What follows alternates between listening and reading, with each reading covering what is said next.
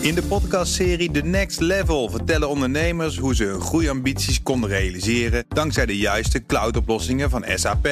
Wat waren de uitdagingen, de oplossingen en hoe ging de uiteindelijke implementatie? Benieuwd naar hun verhalen en hoe zij met behulp van SAP ook hun toekomstige ambities kunnen behalen? Luister de podcast The Next Level via de BNR-app of je favoriete podcast-app. Wil jij de Next Web bijwonen op 15 en 16 juni? Dan heb ik goed nieuws voor je. Want jij als BNR-luisteraar krijgt 50% korting op een ticket. Ja, 50%. Gebruik de promotiecode BNR-50 en geniet twee dagen lang van de Next Web. See you there. BNR Digitaal wordt mede mogelijk gemaakt door Amazon Web Services. De betrouwbare cloud voor kostenoptimalisatie, innovatie en digitale transformatie. Heb jij de BNR-app al? Met breaking news en live radio? Download de app en blijf scherp. BNR Nieuwsradio. Digitaal. Joe van Buurik en Ben van der Burg. Goed dat je luistert naar BNR Digitaal, waarin we uitgebreid gaan doorpraten over het grote technieuws van deze week, of misschien wel van het jaar. Kom ik zo op terug. Het gaat in elk geval om de Apple Vision Pro. De lang verwachte, in de geruchtenmolen veel besproken slimme bril van het meest waardevolle bedrijf ter wereld. Heb je die gemist? Luister naar onze extra podcast over het Apple Worldwide Developers Conference in de feed van BNR Digitaal. En daarover en vanuit ook die andere grote techontwikkeling van dit jaar gaan we praten straks met een wetenschapsjournalist die daarover schrijft en hoe fictie daar invloed op heeft. En in de tweede helft duiken we in daadwerkelijke use cases voor de Apple Vision Pro met iemand die daar best wat verstand van heeft. Maar eerst Ben van den Burg. Ja. Deze vraag voor jou. Is de Apple Vision Pro het technieuws van dit jaar? Dat is de vraag. Ja, als we ChatGPT aan vorig jaar natuurlijk, 2022, dan denk ik dat dit een hele grote Oh, dan wel. Ja, want ChatGPT is groot, hè? Ja. Maar het is, kijk, is het het moment van de eerste iPhone, het moment van de eerste Apple Watch? Ja. En ik denk zelf wel. Ja? Ja, omdat het, weet je, het is nu voor developers. En ik word helemaal gek, Joe, over die prijs. Die 3500 dollar waar iedereen over begint. Dat is totaal irrelevant. Dat vind ik ook. Ja, Dat want is- het is, voor mij gaat het ook veel meer om de vraag of dit daadwerkelijk de toekomst gaat bepalen van hoe Ja. wij met computers werken. Omdat Apple het doet. En als Apple het niet voor elkaar krijgt, dan wordt dit het dus niet. Precies, dan is het dus niet dat je in een, in een virtuele of in een augmented reality wereld gaat vertoeven. En Ja. dat gaan we vertoeven, maar hoe vaak, hoe lang enzovoort. Dat Ja. wordt de toekomst. Maar zij hebben dus nu gewoon neergezet hoe het eruit kan zien. Dat zag er veelbelovend uit. Het is Ja. allemaal demo, demo, demo. We moeten het allemaal Ja, testen, maar er testen, zijn ook testen. impressies van Amerikaanse techjournalisten die, Die, gewoon die zijn enthousiast, hè? heel positief zijn. En ja, ik snap dat mensen de vraag hebben: wat is de prijs van toegangskaartje? Maar met de tijd gaat die vanzelf omlaag. Precies. Joe van Buurik en Ben van der Burg. En nu zetten we even de wetenschappelijke bril op om daarmee te kijken naar slimme brillen, zoals die van Apple, maar ook zaken zoals AI en andere fenomenen zoals tijdreizen, parallele universa, nog veel meer. Want die beschouwt Volkskrant wetenschapsjournalist George van Hal in zijn nieuwste boek Van Lightsaber tot Tijdmachine, waarin hij beschrijft hoe de wetenschap werkt aan de technologie uit onder meer Star Wars, Star Trek en het Marvel-universum. Dat staat immers letterlijk op de kaft van zijn boek. maar hoe optimistisch of juist pessimistisch moeten we in de realiteit over die fenomenen zijn? Dat vragen we aan George zelf. Welkom. Dank je. Goed dat je er bent. Ehm, het technieuws van de week. Nou, we hebben het erover gehad, Ben. Ja. Misschien zelfs van het jaar, samen Ja, met AI. precies. Die discussie hebben we gevoerd. Is de Apple Vision Pro? En aan welke sci-fi franchise doet die slimme bril jou nou meest denken? Je mag geen Ready Player One of the Matrix zeggen. Ja, dat zijn natuurlijk wel de eerste twee opties. Snap ik. Ehm, nou ja, het deed me in eerste instantie eigenlijk vooral denken aan een science fiction boek. Oh. En eh, dat is eh, Halting State van de eh, science fiction auteur Charles Stross. Oké. En ja, daarin schrijft hij over augmented reality en een gamebedrijf dat dat lanceert. Ja. Ehm, ik ben het meest van het boek weer vergeten, want ik heb het jaren geleden gelezen. Het kwam in 2007 uit. Maar wat ik me herinner is hoe de politie gebruik maakte van dit soort augmented reality brillen. Voor gezichtsherkenning. Ja, onder andere. En die liepen dan bijvoorbeeld door een flatgebouw. En dan stond er eh, bij de voordeur van iemand: hey, hier staat nog een eh, parkeerboete open. Of eh, deze persoon is eerder al een keer opgepakt voor het smokkelen van drugs. En Ja. nou ja, noem maar op, weet je wel. En toen dacht ik: ja, dit soort dingen zijn misschien wel echt heel erg handig in het echt. Als je ze. Maar wat deed de Vision Pro? Waarom maakte hij de associatie met de Vision Pro naar surveillance van de politie?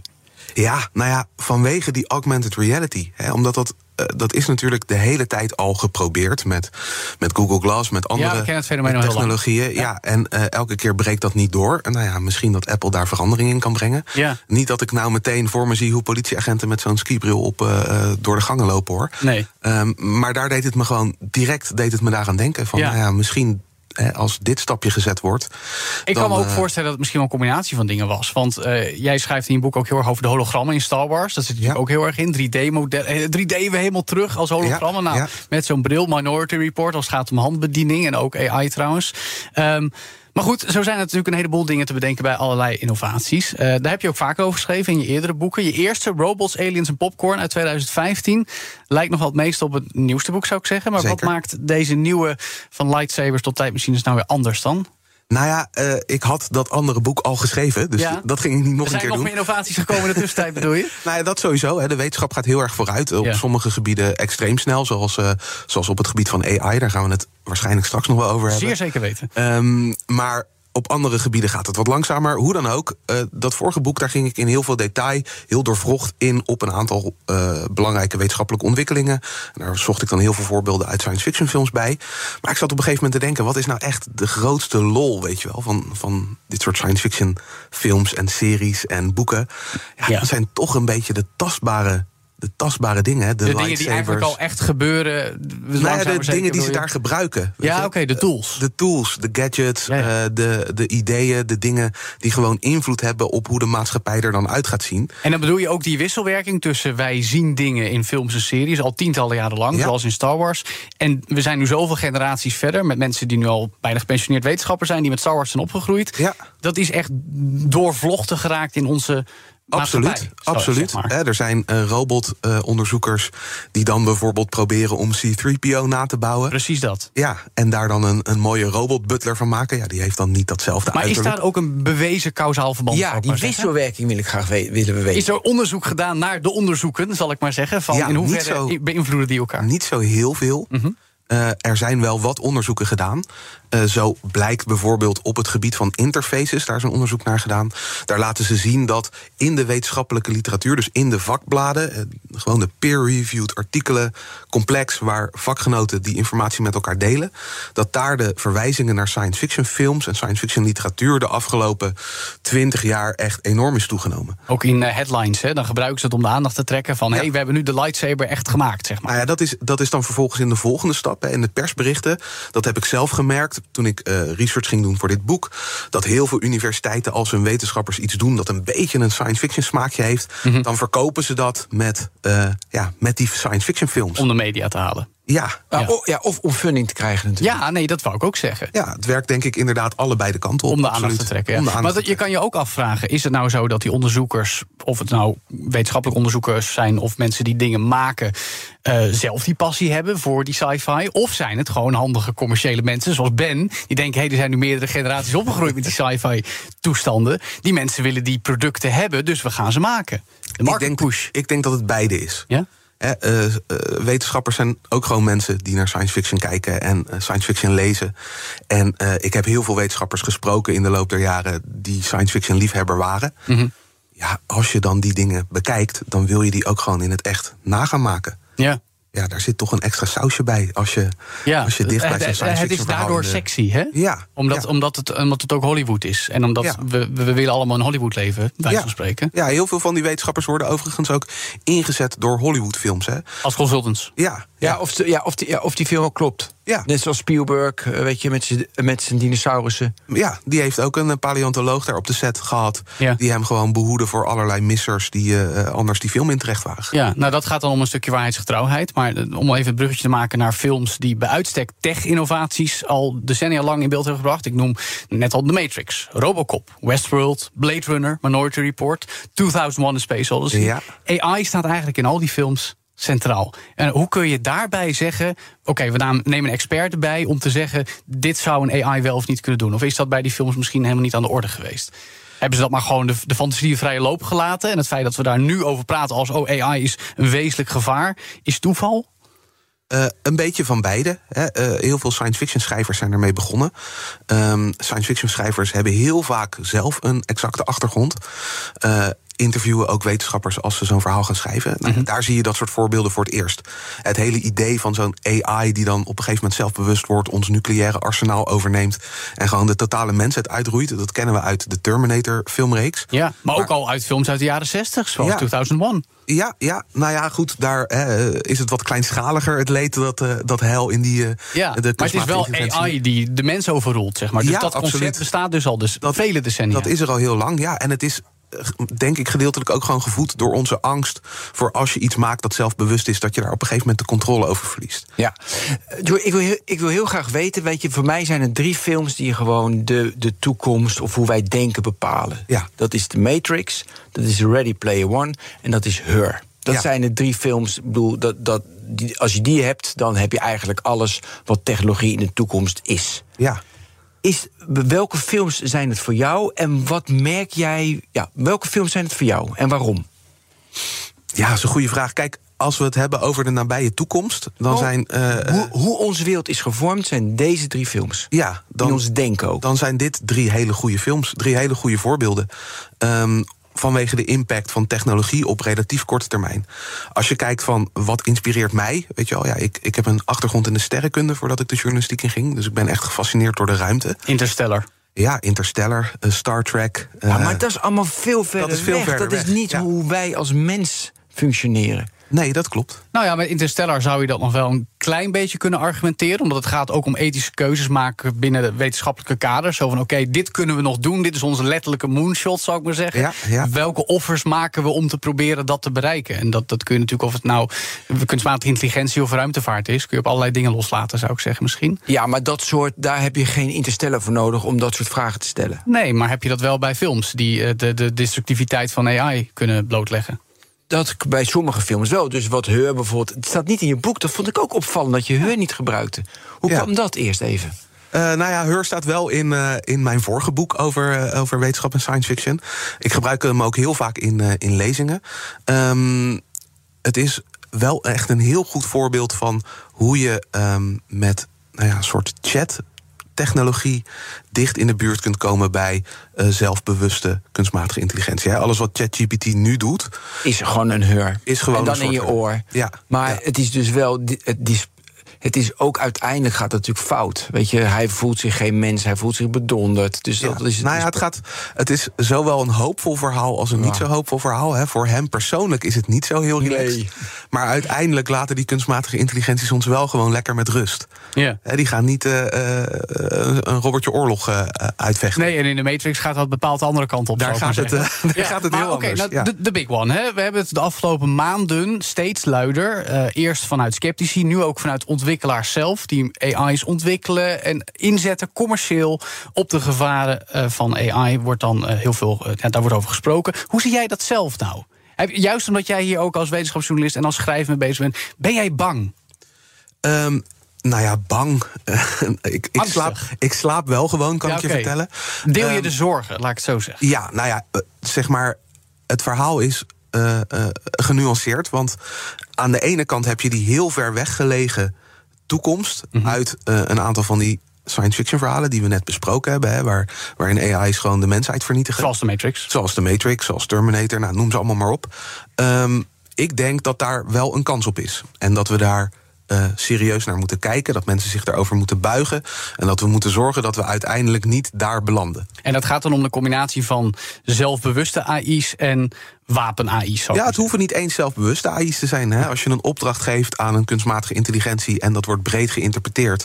daar hoeft zo'n kunstmatige Zoals intelligentie laatst niet... dat eigenlijk de hoax zou ik bijna willen zeggen, niet, want er werd iets uit proportie gerukt van een simulatie waarin de AI uiteindelijk de opdrachtgever zou hebben vermoord in de simulatie, omdat hij dat als de manier zag om de opdracht uit te voeren. Ja, een heel mooi science fiction verhaal was dat Ja, geweest. eigenlijk ook. wel, hè? Ja, maar eh, nou ja, dat soort dingen, ja. En dat is een denkbare, weet je wel, dat is een denkbaar risico. Het is een denkbaar, maar ik wil. Kijk, als je, we, vergelijken het wel eens met de, met de atoombom. We snappen allemaal, zes atoombommen en aarde is weg. Ja. Weet je, dat kan je heel goed voorstellen. Ja. Maar een zelfbewust denkend, vernietigend AI, ik vind hem best wel ver weg. Nou, ik We ook. kunnen hem bedenken, Ik ook. maar ik zie het niet voor me. Maar is het ook niet zo dat we hem kunnen bedenken omdat we hem al zo vaak in de films hebben gezien? Ja, dat als die zeker, films er zeker. niet zouden zijn, dat En we het nooit Dat zouden is dus ook een gedeeltelijk het risico hè, van deze discussie. Precies. Is dat we ons blind staren op een, op een kans die vrij klein is. Ik denk dat die wel reëel is, maar vrij klein. Ik zou zeggen, nou, zet een paar mensen eh, op dit probleem om dit te voorkomen. En besteed de rest van je aandacht aan de problemen die het op veel kortere termijn kan veroorzaken. Klimaatverandering. Eh, eh, nou ja, goed, dat is een, een, een, een ander probleem. Nee, maar Ja. ik bedoel, een probleem die veroorzaakt kan worden door AI. Zoals eh, de verspreiding van desinformatie, het vergroten van de ongelijkheid. Hè, dat je straks alleen nog maar als je geld hebt met mensen kunt praten. en dat alle andere mensen overgeleverd zijn aan AI's. Nou ja, dat soort problemen lijken me veel dringender. Ja, maar je zegt een paar mensen op de lange termijn het, de, het vernietigen. Ja. Wat gaan ze dan doen? Nou ja, dat is, een, dat is een hele interessante kwestie. En daar wordt al heel lang over nagedacht. Juist door dit soort science fiction scenario's. Ja. Eh, iets wat je kunt bedenken, hè, wat, wat eh, Asimov, Isaac Asimov, een Ja, van de de grote sci-fi schrijver. grote sci-fi schrijver, die had eh, drie wetten van de robotica voor ja, AI's die ook in lichamen zaten, waarin ze de mensheid geen kwaad mochten doen. Ja. Ehm, daar wordt al decennia lang over geschreven, ook in de academische literatuur, om te kijken of dat nou een handige manier zou zijn om, als je AI's krijgt die zelfbewust zijn, om die een beetje te beteugelen. Nou ja, er zijn mensen die daar veel beter in ingevoerd zijn dan ik, die daar al heel lang over nagedacht hebben. Ja, die moet je eigenlijk ook de sleutel geven van eh, de black box van, eh, van de chat-GPT's van deze wereld. Ja, toch is het natuurlijk lastig. Hè? Want ik bedoel, ik als, als popcultuur gedreven nerd, zou ik maar zeggen, word heel enthousiast van mooie series en films. En oh, Ja. hey, eh, in, in de perceptie lijkt het af en toe een beetje werkelijkheid worden, of we hebben de angst daarvoor. Maar uiteindelijk kun je ook zeggen: ja, maar wacht eens even. Er zit een wereld van verschil tussen wat een stel scenario-schrijvers en artists hebben bedacht. en wat de wetenschap daadwerkelijk aan het uitpluizen is. Ja. En toch hebben we een situatie gecreëerd de afgelopen decennia dat dat gewoon kruisbestuiving tot de met is. Ja, Dat nou is ja, heel lastig om nog serieus te onderscheiden wat nou fictie en werkelijkheid is, toch? Tuurlijk, tuurlijk. Maar ook bij, die, ook bij die AI's is het natuurlijk wel zo dat de reden dat er zoveel bedrijven hierop zijn gesprongen, is gewoon omdat we daar al zo ontzettend lang over nadenken. Omdat in we die voor ons zien hoe het moet kunnen zijn. Ja, precies. Mag ik heel even tot dus de wetten van Asimov? Je zegt dan, dan moeten gewoon die drie wetten... weet je, de eerste, een, een, eh, een robot mag een mens geen letsel toebrengen... Dus er gaat een controlerend eh, orgaan gaat toezien... zodat we aan die wetten voldoen. Of we moeten nog twee wetten erbij bijvoorbeeld verzinnen. Ja, dat moet dan ingeprogrammeerd worden. En iemand moet ook wel nadenken of dat nou een beetje, weet je wel, of je dan de sluizen echt gedicht hebt, of dat er nog allerlei mazen in de wet zitten. Oké. Terroristen, landen met een andere cultuur... Ja. kunnen Ja. zeggen van ja, daar trekken we niks, ons niks van aan. Ja, tuurlijk. Tuurlijk, ja, dat is ook een gevaar, weet je wel. Wij kunnen hier in Nederland of met de Europese Unie beslissen hoe we dat gaan doen. Ja. En eh, eh, eh, China of een ander land, weet je wel, die kan denken, ja, Ja, nee, dat zien we al gebeuren. precies, ja. En Ben, Nou ja. jij bent nog meer getriggerd, zie ik. Nou, nee, nee, ja, want dus dat is de lange termijn. Maar ik ben ook dus, dat vind ik een goeie dit. Weet je, daar zijn natuurlijk iedereen mee bezig. Maar ook de korte termijn, weet je, is best wel lastig. Weet je, hoe je daar nu op een goede... Je hebt de AI-act die eraan komt, daar praten we heel veel over en lang over. Maar de, de- wel, hoe, hoe zie jij in science Hoe lossen ze dat in science fiction op? Of gaan we gewoon dood? Zoals in veel science fiction films. Ja, nou ja, in science fiction lossen ze dat eigenlijk meestal ook niet echt op. En ehm, waar toch altijd een beetje aan voorbij gegaan wordt, ook in fictie, is hoe snel de technologische ontwikkeling gaat en hoe traag de maatschappelijke reactie daarop is. Dus het is al, nou ja. Al zolang als ik over technologie en wetenschap schrijf, is het al een feit dat eh, bijvoorbeeld onze wetgeving bijna niet kan aanhaken op de snelheid van die, eh, van die technologische ontwikkelingen. En er zijn allerlei onderzoeksgroepen aan technische universiteiten die daarmee bezig zijn voor technology en law, om dat aan elkaar te lijmen. Maar het blijft gewoon een uitdaging. Nu ook weer opnieuw met die AI-wet, weet je wel, die op zich laat wachten. Dat komt pas over een paar jaar. Ja. Ja, dat, en dat kunnen we niet versnellen. Dat menselijke overleg, dat, dat lukt gewoon niet om dat sneller te krijgen. En dus blijf je altijd achter de feiten aan. Maar tot slot, hè, want ik heb deze vergelijking ook wel eens gemaakt. We, hebben, we begonnen ooit met de uitvinding van het vuur. En volgens dus millennia lang is er van alles gebeurd. Uiteindelijk zijn het allemaal tools, hè Ben. En elke tool, elk middel, elk hulpmiddel heeft zijn voor- en tegens. Afhankelijk van hoe het gebruikt wordt, door de mens vaak. Ja. AI lijkt wel de meest recente, meest prangende, meest polariserende. Zeker.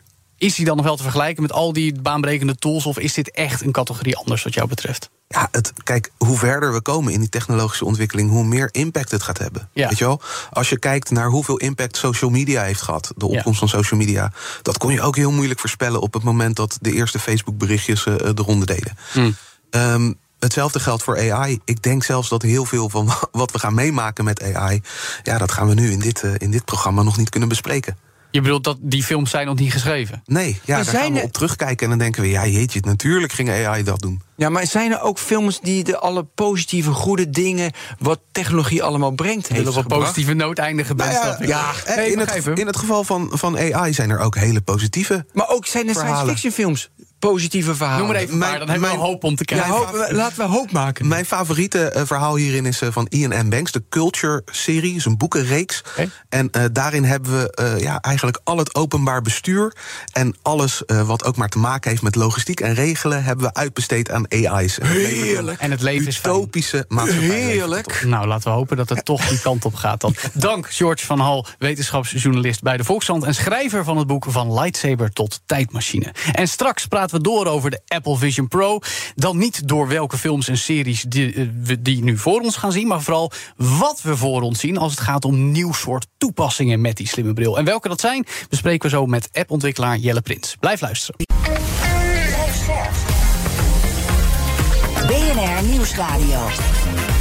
Digitaal. Jo van Buurik en Ben van der Burg. Welkom terug bij BNR Digitaal. Maandagavond was het eindelijk tijd voor die lang verwachte One More Thing van Apple. Toen Tim Cook als eh, topman de Apple Vision Pro onthulde na zeven jaar ontwikkelingstijd. Maar hoe revolutionair is die slimme bril? En vooral, hoe gaan we die allemaal gebruiken? Dat vragen we en bespreken we met app-ontwikkelaar Jelle Prins, onder meer bekend van de apps van Booking.com en Uber, om er maar even twee te noemen. Jelle, welkom. Dank je. Jij wilde heel graag over de Apple Vision Pro komen praten. We hebben je al te gast gehad over AI en over andere innovaties. Maar dit moest ook even. Ja, ik dacht, dit wordt heel leuk. Ja, dus want uh, hoe heb jij het beleefd, die aankondiging van de Vision Pro begint deze week? Ja, ik ging naar een uh, WWDC viewing party. Oftewel een feestje waarbij we de keynote van Apple gaan kijken. Mm -hmm. uh, dat doen we al heel lang. En vaak gingen we het dan ook nabespreken. En nu was het dus met, met een aantal Apple-nerds in Delft bij de TU Delft. Kijk. Goed gezelschap, lijkt me. Ja. En wat is jouw eerste indruk? Want alleen al over de terminologie kunnen we discussiëren. Apple zegt spatial computing, augmented reality. Maar dan zijn er weer mensen die zeggen: nee, het is eigenlijk virtual reality. Het is een combinatie, mixed reality, extended reality. Wat is jouw indruk van wat dit apparaat doet? Ja, leuk is dat Apple natuurlijk metaverse hier echt ontwijkt. Daar willen ze niks mee te maken. Nee, daar willen ze niks, uh, niks doen. Um, ja, wat is mijn interpretatie? Je kan hier veel verschillende kanten op. Het is en virtual reality als je je afsluit van de wereld. Het is en augmented reality uh, als je de beelden projecteert. Maar later denk ik ook gewoon projecteren op werkelijke dingen in de wereld. Ja. Ja, spatial computing is dan hoe, uh, hoe Apple het gaat noemen. Ja. Um, maar ik denk dat de interactie um, met de werkelijke wereld... dat dat het belangrijkste is. Ja, Wij noemen dat augmented reality. Ja, nou, ik zat een beetje tussen vermijden de metaverse, omdat dat van meta is, is een beetje een term die we niet meer willen. Dus introduceren een nieuwe term. Zal de wereld dat overnemen? Spatial computing? Ik denk het niet. Ik denk dat dat een Apple-term blijft. Dus dan zitten we weer met definities. Hoe gaan we het noemen? Ja, dat is toch belangrijk. Oh. Ja, nee, ja want is, nee, een, een, smartphone, weet je, een, dat is toch, weet je wel... Een, nee, een smartphone is een smartphone. Daar zijn ja, we heel helder over. Ja, maar dat we nog ja. steeds over een slimme bril, een virtuality bril, een augmented reality, XR... Ja. De, die definitie wordt ook belangrijk, willen we daar iets mee kunnen in de wereld. Ja. Heb je daar gedachten over, Jelle? Nee, ik, ik vond Anders... het eigenlijk voornamelijk interessant dat ze die, die termen vermijden. Maar of het nou virtual reality of augmented reality. Het ma nee, het is veel interessanter, denk ik, om na te denken over uh, wat zijn de use cases die ze nu zien en die er in de toekomst uh, komen. En hoe gaan we die verschillende ja. use cases benaderen. Want ja, of je op de bank zit in je eigen virtuele wereld, of dat je hem op hebt en interacteert met de werkelijke wereld waaroverheen andere dingen worden geprojecteerd, dat is iets heel anders. Ja, maar het maar kan met hetzelfde apparaat. We hebben verschillende dingen gezien in de demonstratie en ook dingen gelezen van de techjournalisten die hem al op hebben gehad. En dan hebben we het bijvoorbeeld over het met meerdere schermen kunnen werken. Vrij letterlijk spatial computing zou ik zeggen. Films kijken, 3D-films kijken, maar ook ja, mediteren, van alles en nog wat. Zat er iets bij in die keynote, in die presentatie tijdens World Wide Developers Conference waar jij gelijk door getriggerd werd? Ik denk dat om dit apparaat te evalueren, kunnen we kijken naar wat voor use cases geeft Apple op dit moment aan. Mm -hmm. En dan zijn er eigenlijk weinig dingen die we niet al kunnen met onze, met onze Mac, met onze PlayStation en onze televisie. En we moeten kijken naar wat verwachten we dat er in de toekomst mee mogelijk gaat zijn. Noem eens iets. Nee, maar eerst even van nu. Wat vond je nu in de keynote waarvan je dacht van... nou, daar zie ik iets in. Want bijvoorbeeld dat werken en dat ik dan op een virtueel toetsenbordje... Ja. dat gaat echt niet gebeuren. Jij bent ook coder. Zie je jezelf al dat doen? niet, man. Of nee? nee, ik, denk dat het, eh, dat het hele bijzondere technieken zijn die ze zijn, hebben ontwikkeld. Er komen heel veel nieuwe technieken uh, binnen. De mensen die er al gebruik van hebben gemaakt... die zeggen van ja, het is super bijzonder. Maar er zitten sensoren in die constant in de gaten houden van waar je naar kijkt. En als je dan naar een icoon kijkt en je beweegt je vingers een klein beetje, dan tik je erop. En ze zeggen dat voelt magisch. Want het voelt niet meer alsof je de computer bestuurt, maar alsof hij al weet wat je wilt doen. Het is dus letterlijk dat idee van jij denkt ik wil dit. En het lijkt bijna alsof deze headset een nou. voorschot neemt op. Oké, dus dat gaan we en hij, en hij neemt ook eigenlijk een voorschot. Ja, ja. Want die sensoren die kijken naar je pupillen. En kennelijk hebben je, reactie, je pupillen al een reactie voordat je daadwerkelijk de klik hebt gedaan. Omdat ze de reactie verwachten van de interface. Je triggert me heel erg, want er gaat op Twitter een draadje vrij hard rond van iemand die beweert hier heel veel te, aan hebben bijgedragen bij Apple als, als consultant volgens mij. Ook eigenlijk de neurowetenschap achter in dit geval augmented reality voor Apple. En dat is eigenlijk waar jij nu naar refereert. Hè? Dat ze dus eigenlijk misschien in de afgelopen zeven jaar niet alleen dit ding hebben ontworpen, maar ook hebben uitgedokterd. Welke uh, systemen in ons lijf worden er getriggerd op het moment dat wij denken: hé, hey, dat wil ik gaan doen. En wat gebeurt dan met je ogen en met je vingers? Ja, dus ik ik denk, nou gaan we al kijken naar wat verwachten we dat dit apparaat in de toekomst kan. Dat willen we de volgende versies. Ja, ja. zeg maar. Ik kijk heel erg naar het apparaat wat ze nu hebben aangekondigd als een soort developer preview. Okay. Dit ding is niet voor de massa. Nee, die 3500 dollar waar wij moe van worden, daar moeten we helemaal niet naar kijken. En daar start het bij. En ik draag een bril, dus ik moet waarschijnlijk nog 600 dollar bepa voor betalen voor bepaalde lenzen. Uh, nog een extra headband. Nou, het gaat veel geld kosten. Nou, hij komt ook alleen in Amerika. Dus dit, is, dit is voor een hele specifieke groep. Ja. Um, maar als we eventjes kijken naar de eerste iPhone. 500 dollar. Toch? Ja, maar met abonnement. Ja, Maar daar kon je ook geen andere apps op installeren. Dat was de Safari, de note-taking app en de klok van Apple. Uh, er zat geen snel internet op. Het was Edge. Mail als je dat nu krijgt. 2G, mail, ja. mail zat erop. Maar het was, was 2G. Als je dat nu krijgt, dan denk je van hé, wat ben ik nou weer ja, ja, voor het buitengebied. Er zat geen GPS in. Maar met die iPhone wisten we al wel dat dat allemaal ging komen. En we konden ons gaan voorstellen hoe dat zou zijn en wat voor applicaties we toen konden gaan ontwikkelen. Zelfde eigenlijk met de Apple Watch. Toen die werd aangekondigd, dachten de meeste mensen van ja, waarvoor moet ik deze nou hebben? Het is, ik kan er alleen maar notificaties op kijken. Dit is een apparaat voor als ik mijn telefoon niet wil pakken. Mhm. Maar we konden wel naar de patenten kijken die Apple al had aangevraagd voor allerlei verschillende sensoren. En dat waren allemaal health-gerelateerde sensoren. We konden toen al voorspellen van, hey, die Apple Watch, dat wordt een health device. En dat is ook de reden waarom heel veel mensen die nu kopen. Er zit een hartslagsensor in, een bloedsaturatiesensor, een temperatuursensor. Allemaal dingen. En nu kunnen we naar die Vision Pro kijken. En ze hebben daar 5000 patenten aangevraagd voor verschillende sensoren. Die mogelijk in die Vision Pro ingebouwd gaan worden in de toekomst. Ja. En dat is het interessante. Want dan moet je je gaan voorstellen van, oké, over een jaar is er weer zo'n keynote van Apple. Hmm. En dan gaan ze waarschijnlijk de tweede versie aankondigen. Met weer andere sensoren en mogelijkheden. Nieuwe sensoren. Waar ze nu al patenten voor En mogelijk ook de versie die betaalbaarder is voor de gewone consument. De Apple Vision zonder Pro. Juist. Ja. Bijvoorbeeld. En, en, dat is ook de reden waarom nu zoveel mensen, of zoveel ze willen zoveel ontwikkelaars er al mee aan de slag hebben, zodat ze volgend jaar kunnen ze aan de consumenten laten zien en kijk eens wat voor coole apps er zijn. Ja. Joe en ik gaan 100% mee met deze analyse. Maar de vraag is natuurlijk welke patenten dat konden ze al zien bij de Apple Watch. Hebben ze nu aangevraagd. Ik heb dat niet kunnen vinden. Waardoor je weet van hey, het is meer work, meer entertainment, meer gaming. Wat, wat, ze doen is heel goed, inderdaad. Dat ik denk ergens aan en ik zie, en ik zie wat ik ga doen. Maar ik weet de patenten niet. Jij wel? Nou, de exacte patenten niet, maar. Um, en nou ga ik iets engs zeggen. Oh. Hoe je je het moet voorstellen is dat dat apparaat zo ongeveer je gedachten kan lezen. Nou, zover ja, gaat dat, het dat niet. heb je net eigenlijk al beschreven. gemoedstoestand gaat hij lezen. Want er komt ook een hartslagsensor, een bloeddruksensor in. En, en, je oogreacties. En zelfs de elektrische signalen van je hersenen gaat hij meenemen. Mhm. Om te kijken van uh, hoe ontspannen ben je of juist gaat je stressniveau omhoog. Als jij inderdaad wil gaan mediteren, Mm. dan kunnen ze de geluiden en de beelden zo op jou aanpassen. Ze leren van, oké, wat, voor, wat voor geluiden word jij nou ontspannen van? Gelijkertijd, als jij een spel aan het spelen bent, een, een horrorspel of een horrorfilm aan het kijken bent, dan zien ze wat je stressniveau is. Ze zien ook waar je, waar je bang van wordt. Ik hou niet van slangen. Dus dat apparaat leert al heel snel van, oh, als we Jelle bang moeten maken in een, in een Slangen. spel, dan moet er een grote slang voorbij komen. ik, word nu, ik word nu bang van jou, Jelle. Inderdaad, als je wil leren, snel leren, langzaam leren, nu concentreren niet. Dus Ja. daar gaat het naartoe. Ja. Ja. En er kwam zelfs nog iets voorbij. Ja. Is dat ze hebben ontdekt dat ze je beelden en geluiden kunnen tonen of laten horen, heel kort, zodat je ze mentaal niet registreert, maar ze kunnen wel een reactie daarop meten. Dit, dit wordt echt heel erg Ja. eng. Ja, ja, ja. Eh, Oké, oké, Maar wat kan je daarmee? Dat is de Nou, volgende eh, vraag. Nou, wat ga jij ermee doen? Dat wil ik ook alvast weten. Ga, ga, ben jij getriggerd? Je- Jij hebt hartstikke veel ervaring. Je hebt hele invloedrijke apps ontwikkeld. Dat je denkt van, hier ga ik opduiken. Want ik zie jou nu al een beetje glimmen. En met een beetje verneinige glimlach. Maar dus, dus eh, er moet iets in jou zijn als appbouwer... dat je denkt van, hier moet ik wat mee gaan doen. Want dit is de toekomst van computing misschien wel. Ja, nou kijk, toen de iPhone werd aangekondigd, toen was ik eh, net aan het eind van mijn studie.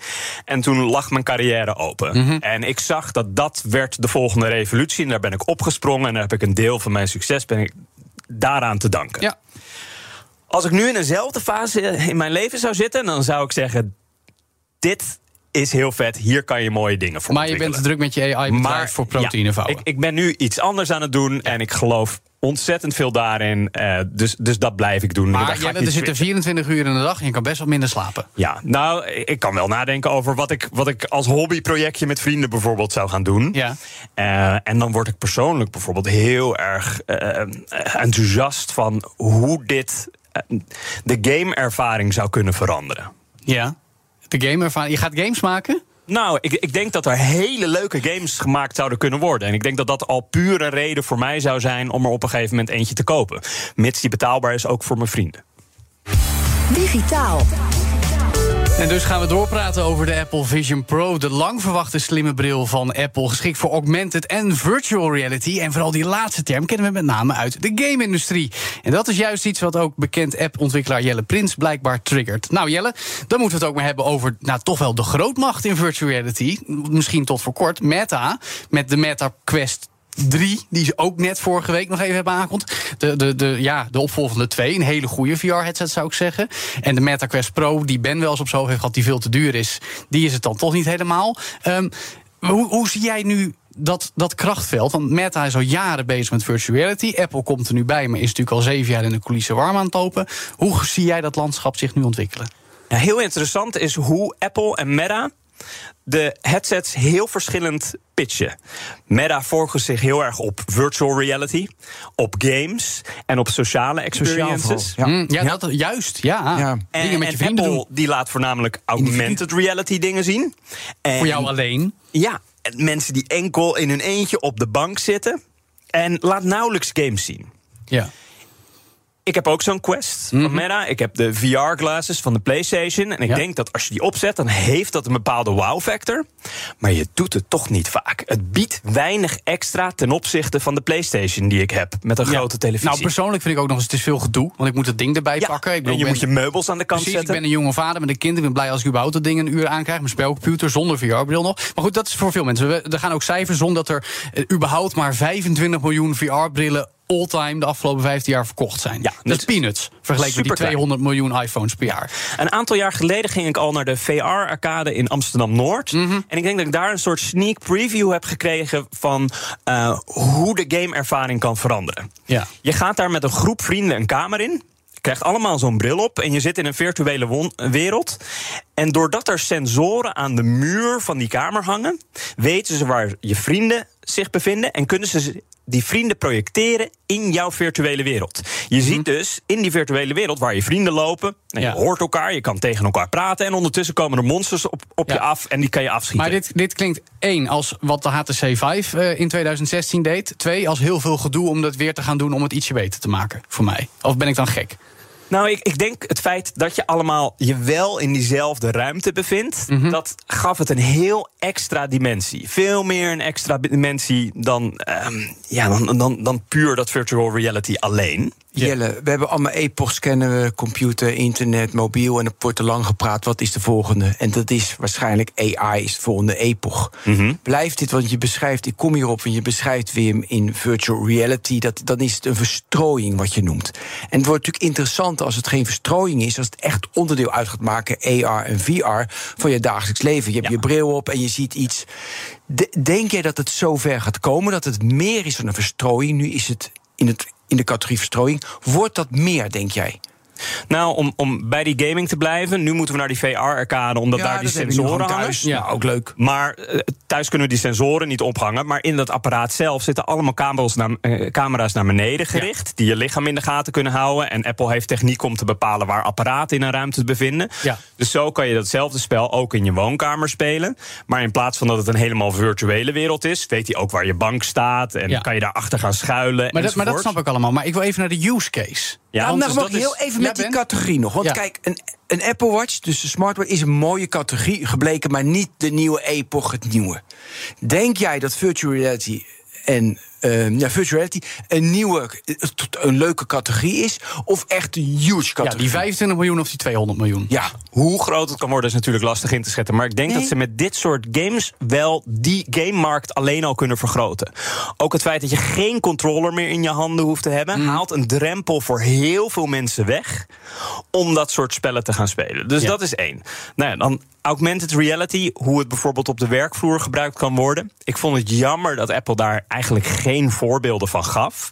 Je bedoelt samenwerken aan 3D-modellen die, die geschetst worden Ja, en dat soort dat- dingen. Dat kennen we eigenlijk toch ook al? Stel dat je bezig bent met een reparatie. Ja. En dat er op het apparaat wat je aan het repareren bent geprojecteerd wordt van hé, nu deze bout aandraaien. In plaats van dat je heen en weer moet naar Maar, een maar Jelle, dit zijn allemaal dingen die ik eigenlijk al gezien heb. En Ja, dan HoloLens was dit wat je nu noemt, Dus, maar, dan, maar nu misschien dan- beter? Dan, ja, maar oké, maar dat is dan het punt. Dus het zijn geen compleet nieuwe use cases. Maar het feit dat Apple het gaat doen op Apples manier, moet succes gaan brengen. Is dat wat je zegt? Ja, maar Apple is nooit de aller, allereerste. Nee, dat snap ik ook. Maar, maar jij zegt nu dus, omdat Apple dit gaat doen, gaat dit wel kans van slagen hebben. Terwijl het de afgelopen tien jaar eigenlijk heel oneerbiedwaardig gezegd een beetje gerommel in de marge is voor mensen die echt heel erg van VR-games houden. Of hele specifieke toepassingen op de werkvloer bij sommige bedrijven. Ja, nou, ik denk dat alles wat we voorheen hebben gezien, was de ervaring zeer suboptimaal. Mhm. Waar Apple nou juist ontzettend goed is in is, is die ervaring heel goed maken. Ja, door die Bo- hele hoge resolutie schermen bijvoorbeeld. En die Bijvoorbeeld. rate. En, en de techniek om je ogen in de gaten te houden. En dat je je handen kan gebruiken in plaats van een gekke controller. Enzovoort, enzovoort. Eh, Apple heeft ook een heel ecosysteem van ontwikkelaars. die hiervoor dingen kunnen gaan ontwikkelen. Ja. Alle iPad-apps werken straks meteen al op de Vision Pro. Ja, dat zeg ik al. Dat is op zich natuurlijk mooi, hè? want dat betekent dat ze in ieder geval gebruikt kunnen worden en misschien ook worden uitgebouwd. Zo van: hey, je gebruikt nu de app op je iPhone en je iPad. En we hebben hem nu nog leuker gemaakt als je hem met je Vision Pro gebruikt. Zie je dat gebeuren? Gaat, dat, gaat die transitie komen? Of wordt het een gevalletje iPhone-apps op de iPad gebruiken zoals we dat de eerste jaren van de iPad zagen? Ja, ik, ik denk dat gewoon zo de iPad-app gebruiken binnen de Vision Pro zoals die nu is, dat is niet interessant. Mhm. Nee, maar, daarom. Maar je zult al snel zien dat die iPad-app aangepast wordt, zodat hij daar wel gebruik van maakt. Ik ben Formule 1-fan Mhm. en als ik in mijn eentje Formule 1 kijk, dan kijk ik niet alleen naar de race, maar ook de onboardcamera's van Max en Alonso enzovoort. Ik heb een scherm voor de statistieken. Ja. Dat zou je ook met zo'n Vision Pro op kunnen doen. Ja. Daar kunnen ze prachtige applicaties voor maken. Dat gaat Apple niet doen, maar dat gaat via Nee, Play. Zag ook al een beetje, hè, Ben. Met, met speciale camera's. Dat was jouw eh, fascinatie dat Apple daar zelf nu al Ja, dat actief vond ik, bezig ja, is. dat, ik vond heel mooi eh, dat ze zelf kamers hebben gemaakt. Dus zelfs, weet je, ze hebben niet gewoon van de. Bij een NBA-wedstrijd hebben ze daarmee zeg maar, in 3D eigenlijk kunnen vastleggen wat op het veld gebeurt. Om dat vervolgens letterlijk in augmented reality gewoon het veld te simuleren. Dat jij ziet hoe dat punt gescoord is als je de Apple Vision Pro op hebt. Ja. En, dat, en daarvan zeg jij, nou, omdat ze dat allemaal bij elkaar gaan doen, gaan ze succes boeken. Ja, ik denk eh, dat dit een platform kan zijn. Waarop hele nieuwe ervaringen aangeboden kunnen worden. Eh, of dat op eh, consumentenfilmgebied, sport kijken, gaming of juist op de werkvloer. Jelle, ik heb een andere vraag. Hoe kijk jij naar dat mensen op een bepaalde manier werken, of een game spelen, of eh, eh, Formule 1 kijken, om dat patroon te veranderen? Dus wat je hebt gedaan met die grote apps die je ooit hebt gemaakt, heb je een gedrag veranderd bij mensen. Dat is soms best lastig. Hoe kijk je ernaar wat je moet doen om dat gedrag te veranderen? Die is lastig. Ja, die is lastig. Maar ik vind hem wel heel valide. Want dat is wel wat we met de personal computer, met de smartphone en zelfs een beetje met de smartwatch gezien hebben. En de vraag blijft: gaat dat ook gebeuren met de slimme bril? Ja, nou als we, als we kijken van waarom zet Apple dit nou vaak als een ervaring neer die je in je eentje beleeft. Uh, dan is dat misschien wel omdat ze zien dat heel veel van die content op een gegeven moment specifiek voor jou gegenereerd wordt. We hebben het in het verleden over AI gehad. Mm. En dat je op een gegeven moment bij Netflix niet meer dezelfde film kijkt, maar dat er puur een film voor jou wordt gegenereerd, dan kan die film dus tijdens het kijken op een gegeven moment op jou worden aangepast. Die dat sluit weer een beetje aan bij wat je net beschreef van hey, hij meet waar jij op aanslaat, dus gaat het meer van dat doen. Ja, en dan nog iets enger is dat die film die hoeft natuurlijk ook niet twee uur te duren. Ja. Die kan oneindig door blijven gaan. Hoe lang blijf je in die, in die dopamine rip zitten. Maar, maar dan ga ik je even tegenhouden. Want dan heb jij voor mij toch in dit hele gesprek een soort omgekeerd paard van Troje beschreven. Zo van Apple heeft iets gepresenteerd met sensoren waarvan wij misschien nog geen weet hebben. Die wel dingen over ons gaat bijhouden om ons te geven wat wij niet weten dat we willen. Klinkt een beetje als TikTok. Um, ja. En, en dat is dan waar het een succes door gaat worden. Privacy, alles op je device. Ja, dat, nou ja, dat kan natuurlijk nog steeds. als het jou maar geeft wat je, wat je wil. Maar dat, jij verwacht dus dat ze die route gaan bewandelen met de slimme brillen bij Apple. Ik, um, ik ben benieuwd in hoeverre Apple op een gegeven moment een. Um, een standpunt gaat innemen voor wat is gezond voor de mensheid en wat niet. Ja. Want TikTok vinden we toch een beetje ongezond hoe verslaafden daaraan raken. Om maar één te noemen. Ja, nou, dat, wordt al gedaan door puur te kijken hoe lang jij naar een filmpje blijft kijken. Mhm. Hier komt zometeen veel meer signaal binnen van wat er interessant voor je is. En uh, het wordt niet alleen media voor je geselecteerd, maar echt gegenereerd. Dus uh, Apple gaat ontwikkelaars toegang geven tot dit soort uh, nieuwe sensoren. Ja. Maar wat je daar allemaal uh, mee mag doen en hoe lang je mensen in die virtuele wereld mag houden, ik, ik, ben benieuwd wat Apple daarmee gaat zeggen. Ja, en kan een mens het allemaal aan, de gebruiker? Ja. Dat heb, heb ik ook altijd de vraag. Het is zoveel. Weet je, dus kunnen ze het aan?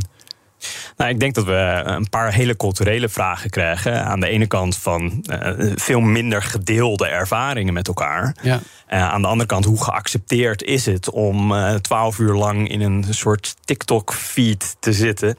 Met een bril op je hoofd. Met een bril op niet je hoofd. Niet best. Nee, nee, nou goed. Ik had niet verwacht dat Nog we met uh, deze dystopische afdeling nee, dit gesprek zouden eindigen. Maar we zijn in ieder geval benieuwd wat de Apple Vision Pro nog gaat brengen. Dankjewel, app-ontwikkelaar Jelle Prins. En tot zover BNR Digitaal. Ook altijd te beluisteren als podcast op elk bekend platform. Waaronder de app van BNR.